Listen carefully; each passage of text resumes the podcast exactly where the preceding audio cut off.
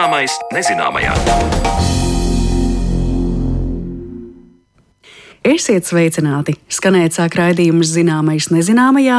Jūs veic tā producente Paula Gulbīnska un mans vārds ir Mariona Baltkalne. Cilvēka spēja radīt un aizvien uz priekšu virzīt atklājumus un dažādus rīkus ir tiešām apbrīnojama.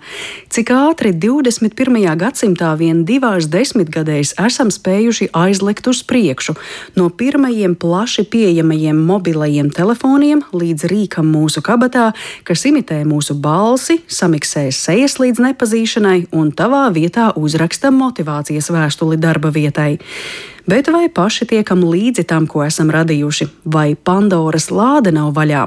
Šīs dienas raidījumu veltām tehnoloģijām, par kurām sajūsmināmies, kuras atvieglo mums ikdienas soli un kuras vienlaikus sāk radīt satraukumu. Tāpēc raidījuma otrajā daļā runāsim par mākslīgo intelekta rīku ChatGPT, ko vērtīgu no tā iegūstam un ar kādiem riskiem mums ir jārēķinās. Bet raidījumu sāksim ar vēl vienu stāstu, kas vieniem šķiet jaunā realitāte, bet citiem kas tāls un neizprotams. Runāsim par kriptovalūtām. Pirms nedaudz vairāk nekā desmit gadiem pasaulē parādījās jauns maksāšanas līdzeklis interneta vidē - kriptovalūta, kuras pazīstamākā elektroniskā nauda ir bitkoini. Taču jau pagājušajā gadā sāka publiski izskanēt bažas, ka darbības ar šo kriptovalūtu patērē ievērojamu daudzumu elektroenerģijas cik liels ir šis enerģijas patēriņš, vai kriptovalūta piesārņo vidi dabā vai datoros, par to Zane Lāce Baltāksne iztaujāja vides zinātnieku Jāni Brizgu. Kriptovalūta vairāk ietekmē klimatu nekā zelta vai dabasgāzes ieguve vai lielopu audzēšana. Tā pirms pāris mēnešiem zinātniskajā žurnālā Scientific Reports tika publicēts Ņūmeksikas Universitātes pētījums par to, kā tiek noslogoti datori un līdz ar to patērēta elektroenerģija, lai nodrošinātu zināmākās kriptovalūtas bitkoinu darījumus un pāraudzību, jeb digitālās blokķēdes, ko dēvē arī par raktuvēm, kuras pārauga profesionālā žargonā runājot tā dēvētie kalndrači, kas izmanto datorresursus, lai uzturētu un pāraudzītu šīs sistēmas drošību internetā. Kā tas izpaužas dabā, kad tiek veiktas darbības internetā, to attālināti ierakstītā sarunā vaicāju vides zinātniekam, biedrības Zaļā brīvība vadītājam Jānim Brizgam. Šī digitālā vide patērē daudz dabas resursus, tā skaitā arī elektroenerģiju, lai mēs uzturētu. Tas nav tikai attiecībā uz šīm digitālajām valūtām, bet kopumā mūsu dzīve digitālajā vidē prasa daudz vidas resursus. Ar digitālajām valūtām ir tā, ka uh, ceļšķi attiecībā uz bitkoinu ir šis mehānisms, kas ir izveidots, lai uh, novērstu krāpšanos, kas prasa plašu sabiedrības iesaisti. Nu, lai uzturētu šīs blokķēdes ja, un, un pārliecinātos par to izcelsmu un, un noturību. Tāpēc uh, nu, visā pasaulē ļoti daudz cilvēku ir iesaistījušies, nezinu, kā to precīzi nosaukt šajā eh, digitālajās raktuvēs, ja tā viņas, tā viņas laikam sauc latviešu, kur uh, izmanto savus datorresursus, lai uzturētu kopīgo sistēmu. Un tas prasa lielu enerģijas patēriņu. Tāpēc Nu, kopumā vienas, piemēram, tās digitālās valūtas transakcijas vidas slodze ir uh, salīdzinoši liela. Ja, ja mēs salīdzinām, piemēram, nezinu, ar maksājumu karti ka mēs ejam uz veikalu un pērkam kaut ko, ja, tad tā atšķirība varētu būt pat miljonus reizes, cik liela ir tā vidas ietekme vienai šādai bitkoina transakcijai, salīdzinājumā, piemēram, ar kaut kādām tradicionālajām norēķinu sistēmām. Vēl ir arī tas, ka um, šī rakšana lielā mērā notiek, piemēram, Ķīnā, Krievijā, ja, un uh, šajās valstīs elektroenerģijas klimata ietekme ir salīdzinoši liela, tāpēc, ka lielā mērā tiek izmantotas ogles elektroenerģijas ražošanā, ja, un tas arī, protams, rada tādu salīdzinoši lielu vidas ietekmi. Atcaucoties uz sižeta sākumā minēto rakstu, pēc ekonomistu domām digitālās valūtas ražošanas radītais kaitējums klimatam pēdējo piecu gadu laikā ir bijis vidēji 35% no tirgus vērtības, sasniedzot maksimumu 82% 2020. gadā. Jānis Briska uzskata, ka tās vairāk ir vidas ekonomistu spēles ar skaitļiem. Šis ir, varētu teikt, tāds vidus ekonomistu vingrinājums, mēģinot saprast, cik ir tā klimata ietekme salīdzinot, piemēram, ar pašu tās valūtas vērtību. Ja? Bet es domāju, ka nu, šeit varbūt nevajadzētu pārspīlēt, jo tā valūtas vērtība visu laiku mainās. Ja tagad eh, bitkoinam arī šī vērtība būtiski nokritusies. Tas, ka procenti ir atkarīgi no tās kopējās vērtības. Bet līdzīgi aprēķini var, piemēram, tikt veikt arī par lauksaimniecības darbībām, kur mēs varam skatīties, cik enerģijas daudz mēs ieguldam lauksaimniecības procesos un cik daudz enerģijas kaloriju vērtībā mēs, piemēram, saņemam atpakaļ. Un, uh, tur tā situācija būs līdzīga. Mēs daudz vairāk enerģijas būsim iztērējuši nekā būsim ieguvuši. Bet uh, nu, tā vērtība veidojas tajā, ka mēs iegūstam citu veidu produktu, jā, tādu, ko mēs varam vairāk izmantot. Un uh, šeit varbūt ir līdzīgi mēs salīdzinām to ekonomisko vērtību no šīm transakcijām ar tām ekonomiskajām izmaksām, ja, kas mums rodas klimata pārmaiņu rezultātā, ja, tad uh, bieži vien ir daudz lielāks. Bet, kā jau saku, tas nav tikai bitkoiniem. No auto pārvadājumos, satiksmē, ja mums ir līdzīga situācija, tas vidas kaitējums, kas rodas no tās transporta, ja, gan gaisa piesārņojums, gan klimata pārmaiņas, ja, bieži vien ir daudz lielāks nekā tā ekonomiskā vērtība, ko mēs iegūstam. Šis varētu tikt uzskatīts vairāk par tādu vidas ekonomistu spēlēšanos ar skaitļiem. Kādā veidā mēs, mēs varam salīdzināt tās lietas, kas ir tie iegūmi un izmaksas. Darbības ar kriptovalūtu tā ir salīdzinoši jauna parādība pasaulē, un vai tiešām jau tagad var precīzi izrēķināt un izmērīt, cik liels un cik taustāms e, ir tas kaitējums videi? Jā, nu, protams, šis pieprasījums pēc elektroenerģijas, ja, kas ir saistīts ar šo nu, raktuvi nodrošināšanu. Ja. Kopumā šīs eh, kriptovalūtas, protams, nav. Nu, nav kaut kas tāds, ar ko mēs visi ikdienā nodarbojamies. Tā tomēr ir tāda marģināla lieta, tikai neliela sabiedrības daļa varbūt zina un izmanto šādu veidu eh, norēķinus. Ja? Un kopumā, protams, šis kriptovalūtu radītā ietekme uz vidi nav nu, absolūtās skaitļos, nav salīdzināma ja, ar kaut kādām mūsu ikdienišķām darbībām. Ēku apkurināšana ja, vai ja, arī no kopējās elektroenerģijas patēriņa tā ir tomēr neliela daļa, kas tiek izmantota šajās raktuvēs, ja šo kriptovalūtu darbības nodrošināšanai. Es uzskatu, ka nu, mums svarīgāk būtu skatīties, ja mēs gribam mazināt klimata pārmaiņas, ja, tad mums būtu svarīgi skatīties, kādā veidā mēs pārvietojamies, mūsu transporta paradumi, ja, vai mēs siltinām mājas, ja, kur mēs kopumā mājokļos izmantojam elektrību, ja, kādu pārtiku mēs ēdam. Un šīs kriptovalūtas, eh, nu, šeit, protams, ir jāskatās uz to, ka eh, arī daudzas valstis domā par digitālo valūtu ieviešanu. Un eh, nākotnē mēs varētu, domāju, pēc gadu desmitiem mēs lielā mērā varētu pāriet uz, uz kriptovalūtām, uz šīm digitālajām valūtām. Ja. Un tad tas mērogs varētu mainīties. Ja. Tad mums tādā nākotnes perspektīvā mums noteikti ir vērts skatīties un domāt, kā mēs eh, šīs digitālās valūtas varam padarīt arī vidē draudzīgāk. Mans sarunu biedrs Jānis Brīsga min, ka līdzīgi kā darījumos ar minēto kriptovalūtu, mēs ik brīdi patērējam elektroenerģiju, piemēram, skatoties video YouTube vietnē, darbinot un uzlādējot datorus vai citas viedierīces. Man liekas, par to digitālo tīrību mums arvien vairāk un vairāk vajadzētu domāt, jā, kādā veidā mēs sakopjam arī savus ierīces, lai tur mums neglabātos visās vietās dažādas lietas, kas mums galīgi nav vajadzīgas. Dānija, manuprāt, ir viena no pirmajām valstīm, ja, kas ir ieviesuši šīs digitālās talkas. Ja, mēģinot arī sakopt ne tikai to, nu, kā mums bija lielā talka, ja, kad visi iet no krūmiem, vāc ārā izmestās riepas un citas lietas, ja, bet arī paskatījās šajā digitālajā vidē, kur mēs arvien vairāk un vairāk laika pavadām. Ja. Arī tur mums ir pilns ar um, krāmiem, mēsliem. Ja? Tas digitālais piesārņojums uh, kļūst ar vien aktuālāks un aktuālāks. Un, uh, lai šos uh, digitālos mēslus uzturētu, jā, mums visu laiku ir vajadzīgi šie mākoņu pakalpojumi, dažādas šīs digitālās transakcijas, kas, kas varbūt mums nav tādas acīm redzamas, bet viņas visas prasa dabas resursus. Jāni, par to talku runājot, vai es pareizi saprotu, vai tiešām tas ir tik vienkārši, ka tas izpauž tā, ka cilvēki tiek aicināti apsēsties pie mm, saviem datoriem, pārskatīt uh, failus un nevajadzīgos izmest ārā? Jā, līdzīgi, kā jūs minējāt, cilvēkiem e, tiek sniegts dažādas padomi, konsultācijas, ieteikumi, ja kādā veidā iztīrīt savas ierīces, ja, atbrīvoties no liekajiem um, datiem, kas ir uzkrājušies. Varbūt daudzas no šīm um, lietām cilvēkiem ikdienā nav zināmas, ja, un uh, bieži vien cilvēki arī paši cieši no tā, ka viņiem ir uh, pārslogot šis telefons vai dators ar, ar datiem, kas patiesībā viņiem nav vajadzīgi un viņi viņus nevar izmantot. Tas rada tikai problēmu. Tā var būt tāda apusēji izdevīga situācija, šī digitāla attīrīšanās. Atgriežoties pie kriptovalūtas, tad te ir runa par enerģiju, kas tiek patērēta darbinot dators vai citas viedierīces, tās um, darbinot um, vai lādējot. Bet, ja, piemēram, nu, man sētā ir vēja ģenerators, uh, tad jau es varu savā datorā veikt um, kādas darbības es vēlos un cik ilgi.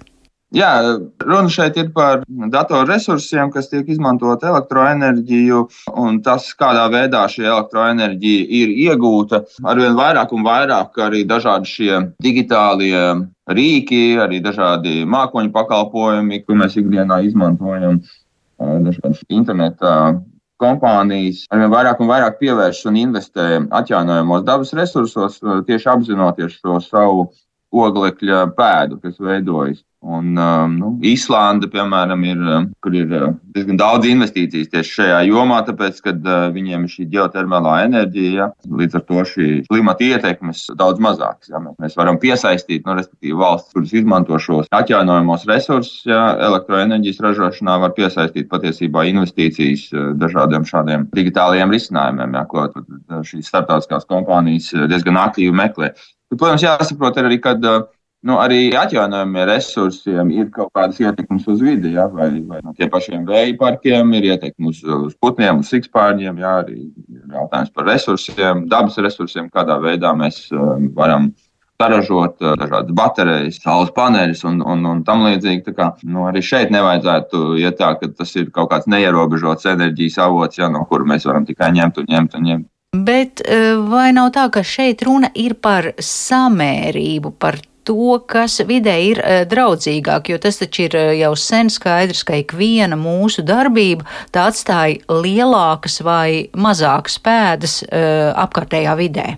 Jā, protams, šeit ir jāskatās, vai tai darbībai vispār ir um, kaut kāds sabiedrisks labums ja, no tā, ko mēs darām. Sākumā varbūt eh, arī daudz šīs digitālās valūtas ir varbūt tāda vairāk tādas eksperimenti, izpriecas eh, un, un spekulācijas, kas eh, varbūt nedod nekādu īpaši lielu sabiedrisko labumu. Bet, protams, sevišķi šīm blokķēdēm ir arī liels potenciāls izmantot dažādos, piemēram, atkritumu apsaimniekošanā un citās jomās, ja, kur mēs varam izsekot uh, resursu plūsmām. Daudzas no šīm tehnoloģijām var būt ļoti liederīgi arī izmantojami.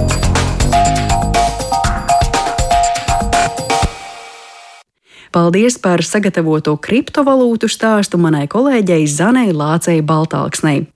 Par tehnoloģijām, kas agrāk šķita kaut kas nereāls, bet pašlaik kļuvis par mūsu dzīves īstenību, mēs arī turpināsim.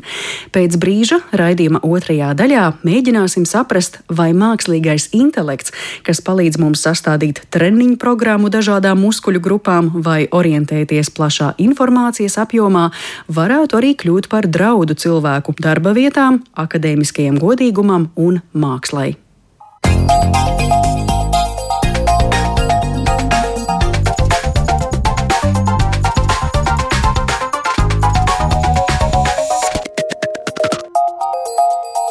Zināmais nezināmajā. Darba sanāksmju protokoli, kas vairs nav jāraksta, un iespēja izvairīties no klientu bieži uzdotiem vieniem un tiem pašiem jautājumiem. Darbinieku produktivitātes celšana, ļaujot tiem pievērsties citiem pienākumiem, nevis slīgt rutīnā ar vienveidīgiem darbiem, tas ir iemesls, kāpēc uz mākslīgo intelektu raugās kā uz palīdzīgu roku mūsu straujajā ikdienā.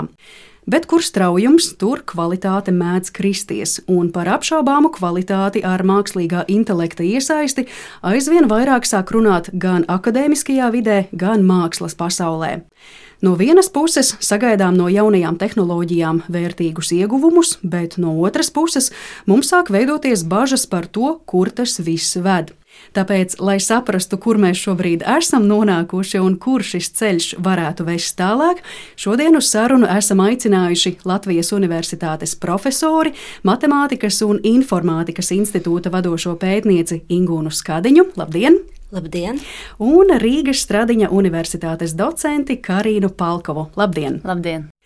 Jāsaka, ir pagājuši tikai daži mēneši kopš tā brīža, kad ASV uzņēmums OpenAI laida klajā šo chatbotu, jeb sarunu botu, ChatGPT.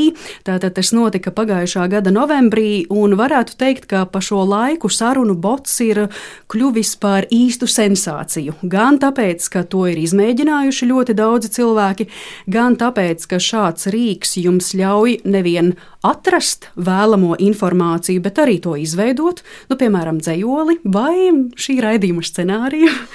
Gan arī tāpēc, ka, protams, par čata GPT sāka ļoti plaši runāt, tostarp arī par tā ēnas pusēm, un arī mēs Latvijas radio raidījumos par čata GPT esam stāstījuši, bet mans jautājums iesākumā šoreiz, kāpēc šie un citi plašākai auditorijai radītie mākslīgā intelekta rīki ir kļuvuši tik populāri, populāri tieši šobrīd? Vai tas ir tāpēc, ka vienkārši tehnoloģijas ir sasniegušas kaut kādu augstāko attīstības pakāpi, kuru tad uzņēmumi grib piedāvāt, vai varbūt tiešām mūsu ikdiena ir kļuvusi tāda, kas šobrīd visu pieprasa ātrāk, vairāk, nu un tāpēc attiecīgi to piedāvājums. Karina, sāksim ar jums. Ja? Jā, ar jūsu atļauju man ienāca prātā uzreiz uh, sekojoša doma. Protams, mūsu dzīve ir palikusi dinamiskāka. Un īstenībā ChatGPT ir rīks, par kuru mēs šobrīd runājam, mākslīga intelekta rīks. Plaši izmantojams, jo tas ir kļuvis par publiski pieejamu, bezmaksas, tik ļoti populāru. Un, protams, dinamiskajā laikā kad uh, nav laika nekam liekam, mums ir ļoti izdevīgi ierakstīt jautājumu, saņemt atbildes mēs mazāk domājam. Mēs esam palikuši slinkāki, mēs esam palikuši daudz aizņemtāki.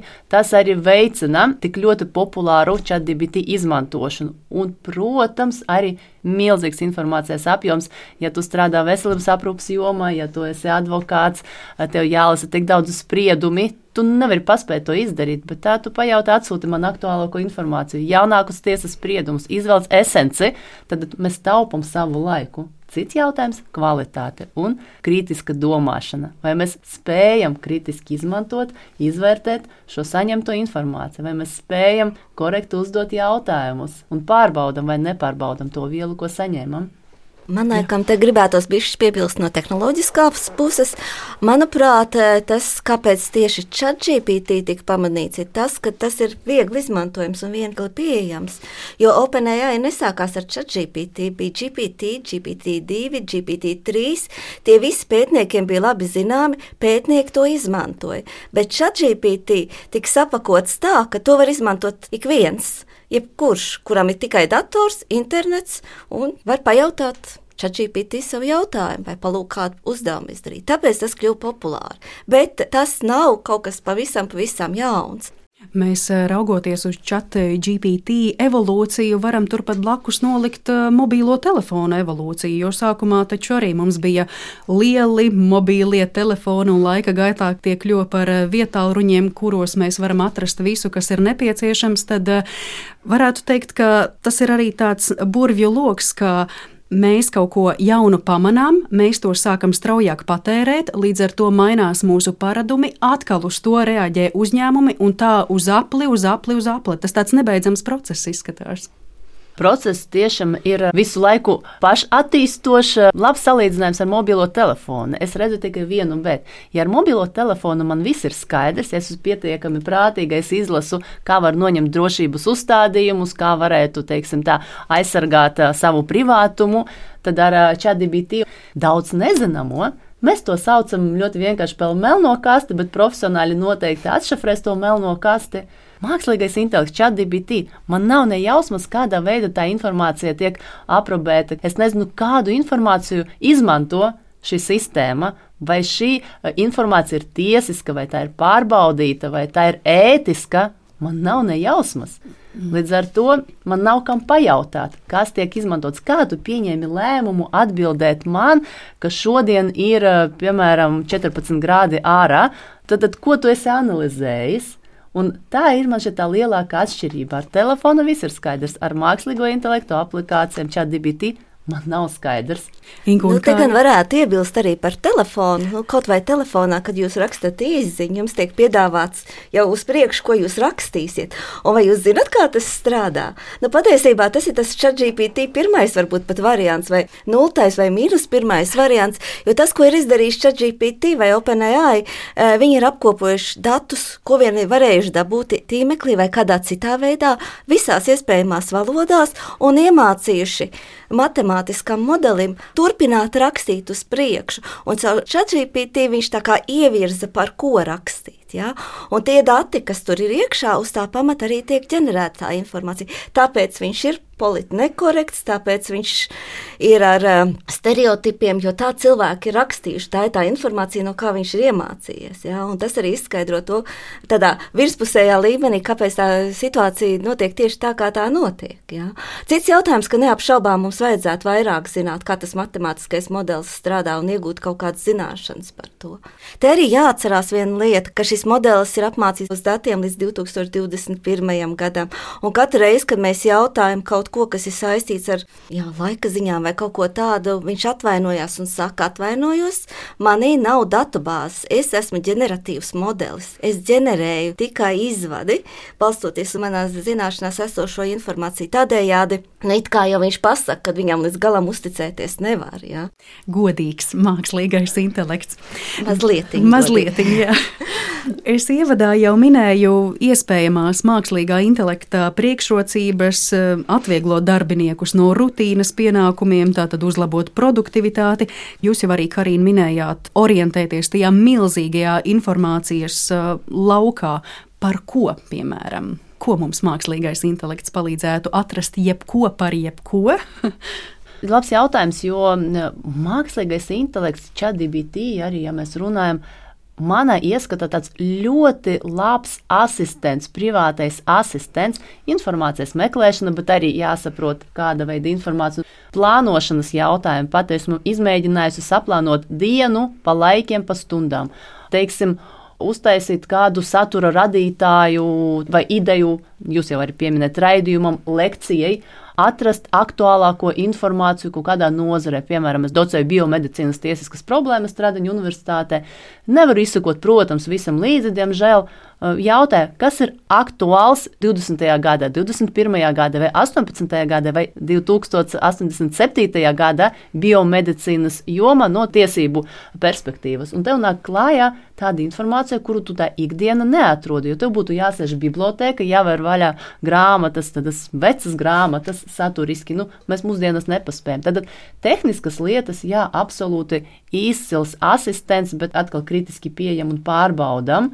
Līgumu sagatavošana, es īstenībā esmu advokāte, un, un tad intereses pēc es iemetu, teiksim, klauzulu līgumā. Vai tu nevarētu man sagatavot uh, klauzulu šķirētiesas, uh, teiksim, tā ietvaros, atsūta, piedāvā, bet ir ko labot. Un mēs šobrīd nevaram runāt par to, ka tas būtu ļoti labs dokumentu rakstītājs, uh, jurists. Pagaidām vēl nē, bet uh, visi iet uz to pusi. Un um, es zinu, man kolēģi Igaunija izmanto starp citu, lai tā, atlasītu cilvēkus darbā. CV analizēt cilvēkus, vai tu esi noderīgs šim konkrētajam darbam, vai neesi noderīgs. Tad, tad arī mākslīgais intelekts, bet tur arī ir savi riski.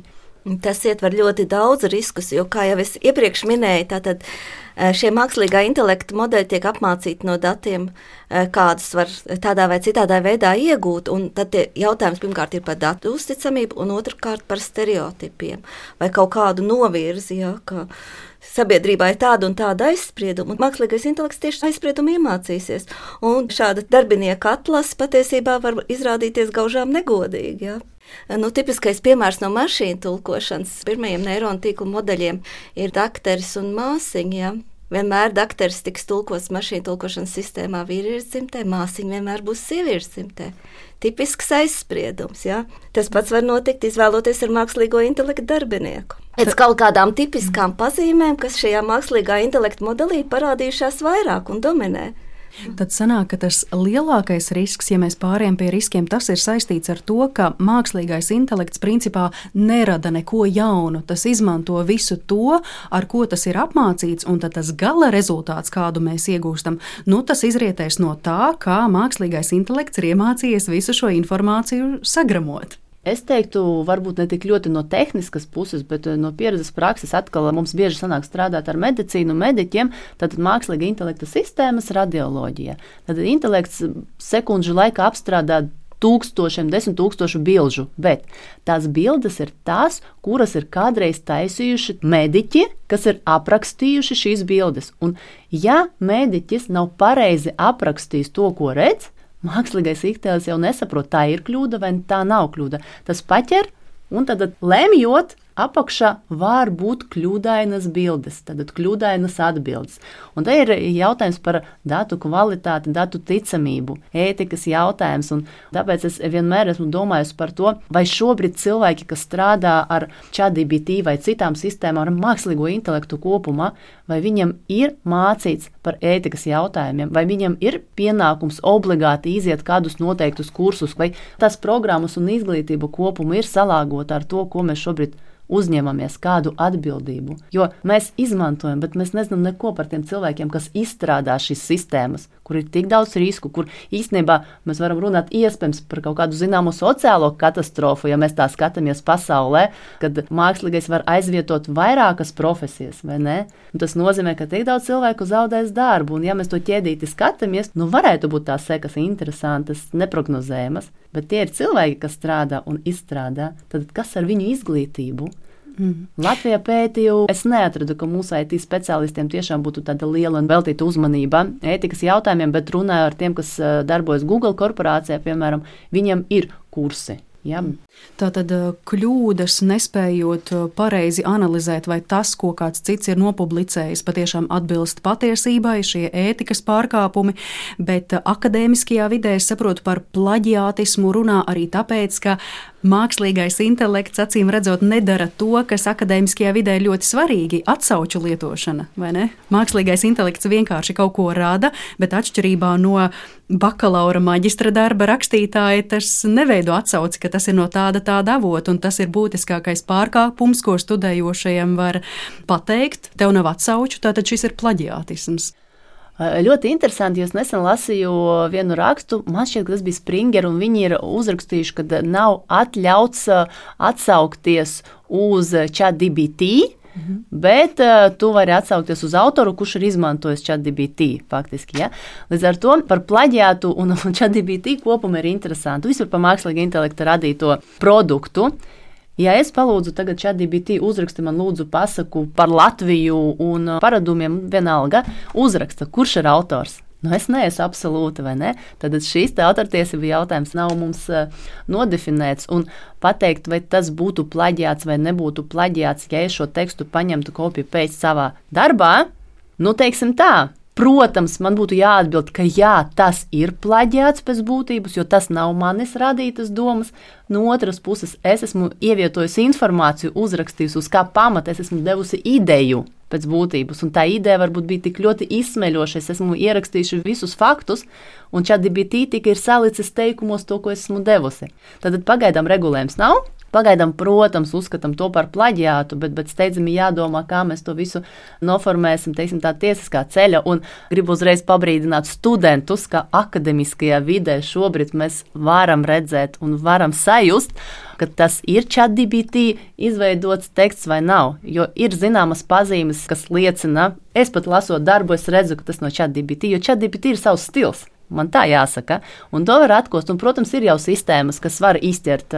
Aicinu studentus tomēr, tomēr kritiski izvērtēt, izmantot šīs sistēmas. Bez tā mēs nevaram mūsdienās. Bet, protams, neaizmirst, ka jūs esat tās jaunas informācijas radītāji, jūsu intelektuālais darbs tiek novērtēts, ne jau sistēmas intelektuālais, cik nu varbūt darbs tiek novērtēts. Tā kā mēs skatāmies un redzam no savas puses, ko jūs izmantojat un cik daudz. Bet vēl viens risks, par ko es aizdomājos, vai mēs ļoti daudz laika un enerģijas neieguldām tajā, kā mēs pareizi noformulējam mākslīgajam intelektam šīs savas vēlmes, kā man pareizi dot atslēgas vārdus, lai beigās es dabūtu tās savas augu sugas, ko man stādīja dārzā, vai tos vingrojumus muskuļu grupām. Es pati ļoti labi atceros, cik grūti bija meklēt literatūru diplomu darbu rakstīšanai. Tu pavadi ļoti daudz laika formulējot atslēgu vārdus, un tagad mums liekas, mums ir labs rīks, bet vai arī tam nav ēnas puses? Par ChatGPT īstenībā, cik es esmu skatījusies, es nekad neesmu piedomājis pie tā, kā es formulēju jautājumu. Kamēr ar Google meklētāju tik tiešām ir ļoti svarīgi pareizs atslēgu vārdus norādīt. Un varbūt, ja mēs runājam par atkal par ChatGPT, tad man liekas, jā, nu, ja nesaņem to atbildi tādu, kā vēlās, tad, protams, var domāt par pārformulēšanu. Bet, um, nu, jā, tā īpaši es neesmu pamanījis, ka man pie tā būtu jāpiedomā, bet tas tā ļoti subjektīvi varbūt. Jo es savukārt eh, tieši vakar aizdomājos, sežot spēlējoties ar ChatGPT kārtējo reizi, aizdomājos par sekojošo. Jo vairāk attīstās tehnoloģijas, un ChatGPT šobrīd ir tā mūsu jauna attīstības pakāpe, jo vairāk mēs degradējam. Ja agrāk man vajadzēja sēdēt un domāt, kā lai pareizi atcerētos formulējumu vai frāzes, domājot par kādu Eiropas cilvēktiesību tiesu spriedumu, par teiksim, organu nelikumīgu transplantāciju vai organu tirzniecību, tad jādomā par atslēgu vārdiem. Tad, tad šobrīd es varu nedomāt, ierakstīt organu transplantācijas spriedumus, man izmetīs pilnīgi visu. Un tad, ja es nebūšu tik ļoti slinka, es piedomāšu, precizēšu, man atsūtīs to spriedumu, kas tieši man bija vajadzīgs, bet pēc būtības es varu iztikt bez šīs saspringtas domāšanas. Un tas man drusku nobiedēja. Tas man drusku nobiedēja, jo es biju arī vienā skolā, viesojos un uzdevu jautājumus. Un es saku, pat nemēģiniet izmantot, es iziešu ārā no kabineta, ChatGPT, viņi, protams, ir izmantojuši visi. Un atbildes ir vienādas vienādas. Protams, formulējumi bija dažādi, bet neviens no viņiem, izņemot vienu meitenīti, kura teica, es pārformulētu šo čatbiti domu kopumā, ja jūs atkodāt, mēs esam ieskatījušies, es pārformulēšu, un viņi bija spējīgi pārformulēt. Pārējie, viņi saņēmuši atbildi tik ļoti līdzīgas, un tas, kas notiek šobrīd, mēs nevaram būt oriģināli, mēs zaudējam savu oriģinalitāti, jo, kā jūs jau minējat, vispār mākslīgais intelekts nav spējīgs uz jaunrādi, tādu radošumu pagaidām. Nezinu no tehniskas puses, vai tas ir iespējams, kādreiz būs, nebūs. Zaudējam radošumu, un mēs paliekam tādi vergi, sistēmas vergi, bet man ļoti negribētos, eh, lai mēs tādi esam. Es atbalstu sistēmas, bet ļoti prātīgi, prātīgu izmantošanu. Mēs runājām arī par eh, iespējamo darba vietu samazinājumu, un izrādās, ka ASV Investīciju bankas Goldman Sachs analītiķi pat ir izlaiduši pētījumu, ka visā pasaulē ir apdraudēti 300 miljoni pilnas slodzes darba vietu, kas varētu tikt automatizētas ar mākslīgā intelekta radīto līdzekļu palīdzību. Un tajā pašā laikā ir citi pētnieki, kas saka, bet paskatīsimies atkal uz tiem pašiem mobilajiem telefoniem, par ko mēs sarunas iesākumā runājam, taču mobīlie telefoni nav apēduši mūsu darba vietas. Varbūt mēs satraucamies par daudz un par ātru. Pirmkārt, atbild par šo degradēšanos. Manuprāt, gluži tā nav. Tā mums drīzāk ir iespēja, kad mums vairs nav jādara tie rutīnas darbi, kā jūs sākumā norādījāt. Mēs varam sevi izmantot radošāk. Un tas pats attiecās arī uz profesiju izzušanu. Jūs sākumā minējāt šie darbi, kas jādara atkal un atkal un atkal. Ja mēs to varam uzticēt uzticamam mākslīgajam intelektam, mēs varam darīt kaut ko, kas mums ir interesantāk, kas ir radošāk, kas mūs eh, pilnveido kā personības, nevis tas mūs degradē. Tāds piemērs varbūt no personīgās dzīves manam bērnam vajadzēja rakstīt esejas un ļoti tādam svarīgam pasākumam, un viņš gluži otrādi. Viņš pēc tam ChatGPT arī rīks, kas pārbauda, vai teksts nav mākslīgi ģenerēts. Viņš visus savus tekstus iedeva šim rīkam tikai aiz bailēm, ka tikai neizrādās, ka kāds nodomā, ka tas ir mākslīgi intelekta radīts rīks. Tā kā nav tā, ka degradē, gluži otrādi, tas dod jaunas iespējas, ja mēs, protams, vēlamies. Bet to jau nevienu nekad nevar piespiest. Ne? Jā, un par šo degradēšanu, jaunām iespējām, jā, es absolūti piebiedros. Tas nozīmē, ka mums pēc būtības šobrīd sev, jauniešiem, ja mēs mācām, jādod saprast, ka tas var būt izcils rīks, tas var atvieglot mūsu dzīvi, atbrīvot mūsu laiku, lai mēs varam ģimenē veltīt vai radoši izpausties citur. Tad parādīt, ka var savādāk, var radošāk, bet viss ir atkarīgs no tevis. Bet eh, vēl par šo tiesisko regulējumu runājot, eh, jūs jau Karina arī minējāt, ka nav šobrīd tādu vadlīniju, reglamentu, noteikumu, kā mēs mākslīgo intelektu pielietojam vai kā mēs to kontrolējam, bet vai mēs esam ceļā uz to, vai piemēram individuālas valstis vai piemēram Eiropas komisija mēģina uz kaut ko tādu iet, uh, un cik vispār tas būtu reāli, ka visas valstis kaut ko tādu ievērotu? Mm. Jā, Eiropas komisija kopumā un pasaulē jau sen domā par to, kādā veidā var ierobežot uh, mākslīgo intelektu. Pat es negribētu teikt ierobežot, bet regulēt. Un 19. manuprāt, gadā UNESCO vienojas 183 vai 4 valstis vienojas par to, ka ir nepieciešams izstrādāt ētikas vadlīnijas mākslīga intelekta izmantošanai, un darbs notika.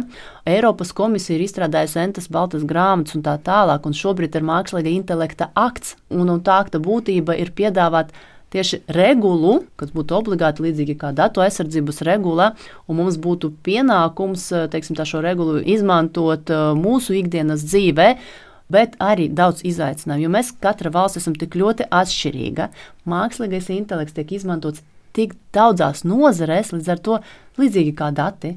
Kā lai varētu saturiski korekti izstrādāt šo aktu, lai tas derētu, lai tas nebremzētu tehnoloģisko progresu, attīstību no vienas puses, no otras puses pasargātu. Bet šobrīd nav, un piemēram, ja mēs runājam par medicīniskām ierīcēm, kas arī ir balstītas uz mākslīgo intelektu, tāpat ir radioloģija, piemēram, vai ne? Šobrīd mums ir Medical Device Regulation, tad medicīnas ierīču regula, mums ir produktu atbildības direktīva, kur nav teikts nekas par mākslīgo intelektu, bet ir teikts par ierīcēm, ar ierīcēm saprotot tā skaita mākslīgo intelektu. Tur arī ir atrunāti jautājumi par atbildību, ja ierīce kopuma ir nodarījusi kaitējumu pacienta cilvēka veselībai, bet tur nav specifiski mākslīgais, un tas jau regulējums arī ir novecojis. Jo mēs nevaram mākslīgā intelekta sistēmu pielīdzināt, piemēram, kādai šķircei vai kādam aparātam, sejas skaistuma uzturēšanas aparātam, vai ne? Tabletei vienai. Vai vienai tabletei, jā. jā. Tad tik ātri mēs ejam uz priekšu un tik lēni mēs spējam panākt, lai tas tiktu ierakstīts uh, likumā. Bet mākslīgā intelekta akts ir tas tuvākais, kas šobrīd mūs sagaida un pie kā tiek strādāts. Jā, pagaidām izskatās tāda individuāla valstu, nu, varētu teikt, cīņa vai vismaz mēģinājumi to kaut kā regulēt. Piemēram, Itālija marta mm. beigās paziņoja, ka uz laiku bloķē čata GPT, jo pastāvēja bažas par datu privātumu, un Itālija kļuva par pirmo rietumvalsti, kas šādus ierobežojumus platformai noteica. Tiesa gan ļoti īslaicīgi, jo tikko, tikko aprīļa beigās mēs varējām lasīt, ka viss Itālijā atkal šis sarunbots būs pieejams, jo it kā OpenAI AI visus riskus ir eh, novērsis. Bet, eh, ja mēs vēl par eh, riskiem runājam, kā jūs vērtētu arī neseno tehnoloģiju uzņēmēju un ekspertu mudinājumu tomēr iepauzēt mākslīgā intelekta attīstīšanu, tika pat parakstīta atklāta vēstule, vai kāds uz šādu saucienu reaģēs vai to sadzirdēs, jo skaidrs, ka tomēr tas dzīves temps un ritējums iet savu gaitu, vai kāds tajā ieklausās ieklausīsies. Nu, faktiski es nesen lasīju vienu pētījumu, atkal, kurā bija norādīts, ka 50% no zinātniekiem, pētniekiem, kas pēta mākslīgo intelektu, atbildējuši, desmit no viņiem, no tiem 50 atbildēja, ka faktiski viņi saredz potenciālos riskus, ka cilvēks nevarēs vairs kontrolēt mākslīgo intelektu. Ja? Un tad es uzreiz, protams, strādāju ar medicīniskām tehnoloģijām, drošību, kuru mēs vienmēr pielīdzinām, teiksim, avio industrijai, vai ne? Un, un ja tev avio inženieris pateiktu, ka šī lidmašīna 10% liela varbūtība varētu nokrist, vai tu kāptu? Tu nekāptu. Tas pats ar mākslīgo intelektu. Tad pētnieki pasaka, ka potenciāli varētu būt problēmas. Mana ieskata jāieklausās, jo tas, ko mēs redzam šobrīd, mēs jau šobrīd diezgan uh, dažās nozarēs nu, nevaram savaldīt. Un ir skaidrs, ka tiesiskais regulējums atbildības jautājumi šobrīd netiek līdz mākslīga intelekta sistēmu attīstībai tik strauji. Es kopumā teiktu, ka jā, mums drusku jāpiebremzē, mums ir jāsakārto šī normatīvā bāze primāri, lai cilvēku aizsargātu. Jo šobrīd ChatGPT varētu mani teiksim, tā, konsultēt, kā man vajadzētu uzvesties, lai es nesaslimtu vai profilakses nolūkos, teiksim, kāda zāles man būtu jālieto, ja man galva sāp. Bet kas notiktu, ja es pajautātu, kas man būtu jādara, tādi un tādi simptomi, un tas netika pat šādi bija īstenība. Viņš man ieteiktu izdarīt to un to un to. Es izdzeru, rezultātu palaidu garām, piemēram, onkoloģiju. Nu, tad, ja tas būtu ārsts, kurš man nepareizi pateiktu diagnozi, es strīdētos, es sūdzētos, es rakstītu ārstniecības riska fondam un tā tālāk. Bet šeit ir sistēma, un šobrīd nav šis regulējums. Pie kā es vērsīšos? Nu, nespējam šobrīd nodrošināt drošību cilvēkam. Pilnīgi piekrītu, ka regulējums būtu vajadzīgs. Tajā pašā laikā, gatavojoties šodienas intervijai, atvēru ik piekdienas ziņu lapu, kas man tiek iesūtīta par jaunumiem mākslīgā intelekta jomā. Un pirmās divas ziņas bija Google strādā pie Bārta, kas ir GPT analogs, Meta strādā pie Lamas, un aiz šīm divām pirmajām ziņām sekoja desmit vai divdesmit dažādi lietojumi, kur GPT risinājums tiek integrēts. Un tas manā e-pastā ienāk reizes nedēļā. Jā patiesībā tas vilnis varās, iet uz priekšu. Tāds piemērs varbūt vēl pie kā piedomāt ir pašreiz, ko dara Islandē. Islandiešu valoda ir tikai 350 tūkstošu iedzīvotāju valoda. Tad uh, Islandes valdība pašreiz ar OpenAI sadarbojās tieši, lai veicinātu islandiešu valodas lietojumu uh, digitālajā vidē, jo uh, šīs lielās valodas, kas ir pārstāvētas plašāk šajā digitālajā vidē, uh, mazākās valodas apdraud, un to jūs noteikti arī esat pamanījuši gan lekcijā, gan arī mājās. Noteikti jaunā paudze vairs nemaz tik labā dzimtajā valodā nerunā runā. Un pašlaik mēs pie tā arī strādājam. Pirmās tehnoloģijas jau ir radījusi sabiedrība tilde, bet visas jomas un visi žanri un arī visi dialekti vēl nav ietverti. Tāpēc 4. maijā mani kolēģi uzsāka akciju Balss tālka, kurās laikā ikvienam Latvijas iedzīvotājam ir iespēja ierunāt nelielu tekstu fragmentiņu. Tādā veidā sekmējot, lai arī šāda tehnoloģija kā runas atpazīšana labi varētu tikt izmantot ikdienā. Un šis mākslīgais intelekts neapšaubām katram no mums būs palīgs, nevis ienaidnieks. Tas darbosies ilgtermiņā. Un tas darbosies ilgtermiņā.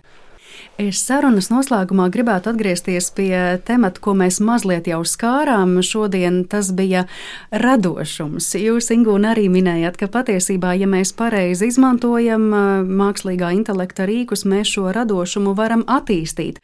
Vienlaikus par negodīgumu sāk runāt ne tikai akadēmiskajā vidē, bet arī mākslā. Nu, piemēram, pagājušā gada rudenī tādu lielu viļņošanos izsauca apbalvojums, ko saņēma Jasons Alens mākslas darbu konkursā ASV, Kolorādo. Alens mākslas darba radīšanā neizmantoja ne otas, ne krāsas, ne arī kādus citus taustāmus vai digitālus rīkus.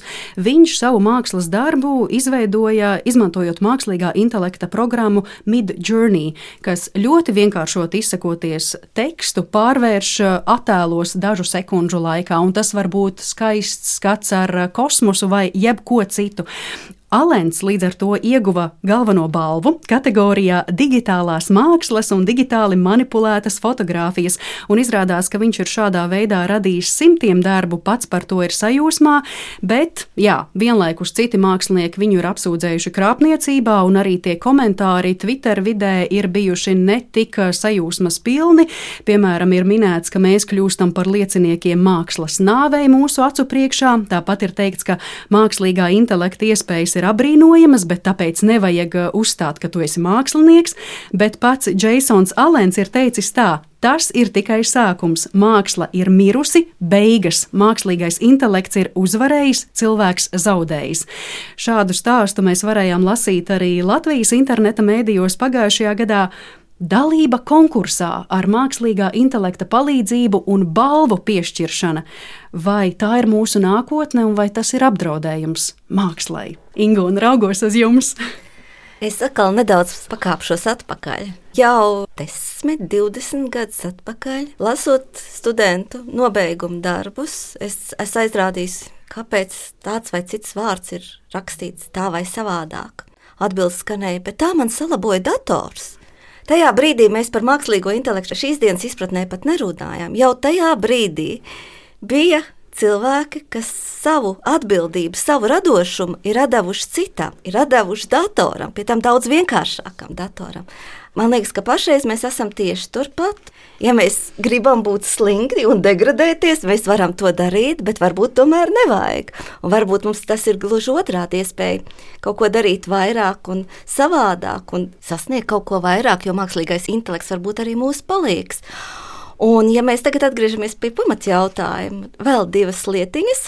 Pirmā raksts Guardian. Tātad Guardian eh, bija veids pētījumu, arī iedevis mākslīgajam intelektam sadeģenerēt attēlus. Uzzīmē man gleznu Renoāra stilā, uzzīmē man gleznu tādā un tādā stilā, un iedevis ekspertiem. Un atbilde nebija viennozīmīga. Atbilde skanēja tā, ir gadījumi, kad eksperti nevar atšķirt mākslīgā intelekta radīto bildi no cilvēka. Un visbeidzot, trešā lieta, es vēl vēlas pati bijusi, bet uz uh, avotu un ģetrūdas ielas stūra visu šo mēnesi ir uh, Rīgas fotomēnesis. Un viņi piedāvā gan diskusijas, gan mākslīgā intelekta radītos darbus. Nē, esmu vēl ieskatījusies, tikai garām ejot, pamanīju šo visu. Būs jāiet, jāpaskatās. Jā, Karina, Jā ļoti īsi. Man jau šķiet, ka tas ir tāds jauns virziens. Viss, kas ir saistīts ar mākslīgo intelektu, māksla, tas ir jauns virziens. Tad mums ir jādod iespēja tiem māksliniekiem, tiem darboņiem, kas vēlās strādāt šajā jaunajā MI telpā, radīt dodiet iespēju, un tad viņi sacentīsies savā starpā. Viss mainās, mūsu uztvere mainās, mūsu pieprasījums mainās, es nebūtu tik ļoti skeptiska, ka māksla mums tagad degradēs. Nē, jauna māksla, mūsdienīga, savādāka māksla. Es pozitīvi uz to raugos, tik jādod iespēju izpausties. Jā, es gatavojoties mūsu šīs dienas sarunai un arī rūpīgi klausoties visu, ko jūs stāstat, daudz aizdomājos par, piemēram, Imanta Lansmaņa mākslu, jo pagājušā gada beigās Latvijas Nacionālajā mākslas muzejā un šī gada sākumā, kad viņam bija izstāde, Vērojot gan šīs gleznas, gan apmeklētājus izstādē, man bija tāda sajūta, ka cilvēki ir izslāpuši, izsalkuši pēc kaut kā tīra, skaista, patiesa, un tas ir tiešām apbrīnojami, kā cilvēki var minūtēm un stundām skatīties uz ziedu kompozīcijām, ziediem vāzēs vai kokiem lauka vidū, ko Imants Lansmanis ir gleznojis, vai arī, piemēram, Renoārs, ko jūs, Ingūna, pieminējāt. Un tad mēs no šīs e, izstādes, kurā mēs tiešām jūtamies garīgi pabaroti, atgriežamies savā reālajā vidē, un tad ieslēdzas laikam šis e, imanta ziedoņa teiciens, jo joņo, jo jājoņo, jo vairāk mēs skrienam, jo vēl vairāk mums rodas sajūta, ka ir jāskrien, un varbūt tur tad var nākt palīgā mākslīgā intelekta rīki. Tā kā jautājums ir tikai par to, kā mēs sabalansējam šīs klasiskās lietas, laika gaitā pārbaudītās vērtības vērtības un pašreizējo gadsimtu, kas mums pieprasa būt uh, reaģēt spējīgākiem un uh, straujākiem. Un starp citu, mēs arī šī raidījuma ietvaros esam ar kolēģiem runājuši, ka varbūt pienāks arī tāds brīdis, kad uh, raidījumā zināmais nezināmajā, nu, ja ne gluži raidījumu vadīs robots, tad varbūt studijā kā raidījumu vadītāji būs divi pārstāvi - dzīves cilvēks un robots. Kas to lai zina? Svarīgi vienkārši paturēt prātā riskus, bet vienlaikus izmantot vērtīgo, ko tehnoloģijas sniedz. Es saku paldies jums abām, ka šodien viesojāties mūsu studijā un atgādināšu, ka mūsu šīs dienas viesņas bija Latvijas Universitātes profesore, Matemātikas un Informātikas institūta vadošā pētniece Ingūna Skadiņa. Ingūna, paldies jums! Paldies, un Rīgas Stradiņa Universitātes docente Karina Palkova. Karina, paldies arī jums! Ar to mūsu šīs dienas raidījums izskan. Par to parūpējās producente Paula Gulbīnska, par mūziku gādāja Girds Bišs, skaņu režijā bija Nora Mītspapa un ar jums sarunājās Mariona Baltkalne. Lai patīkams dienas turpinājums un visu labu!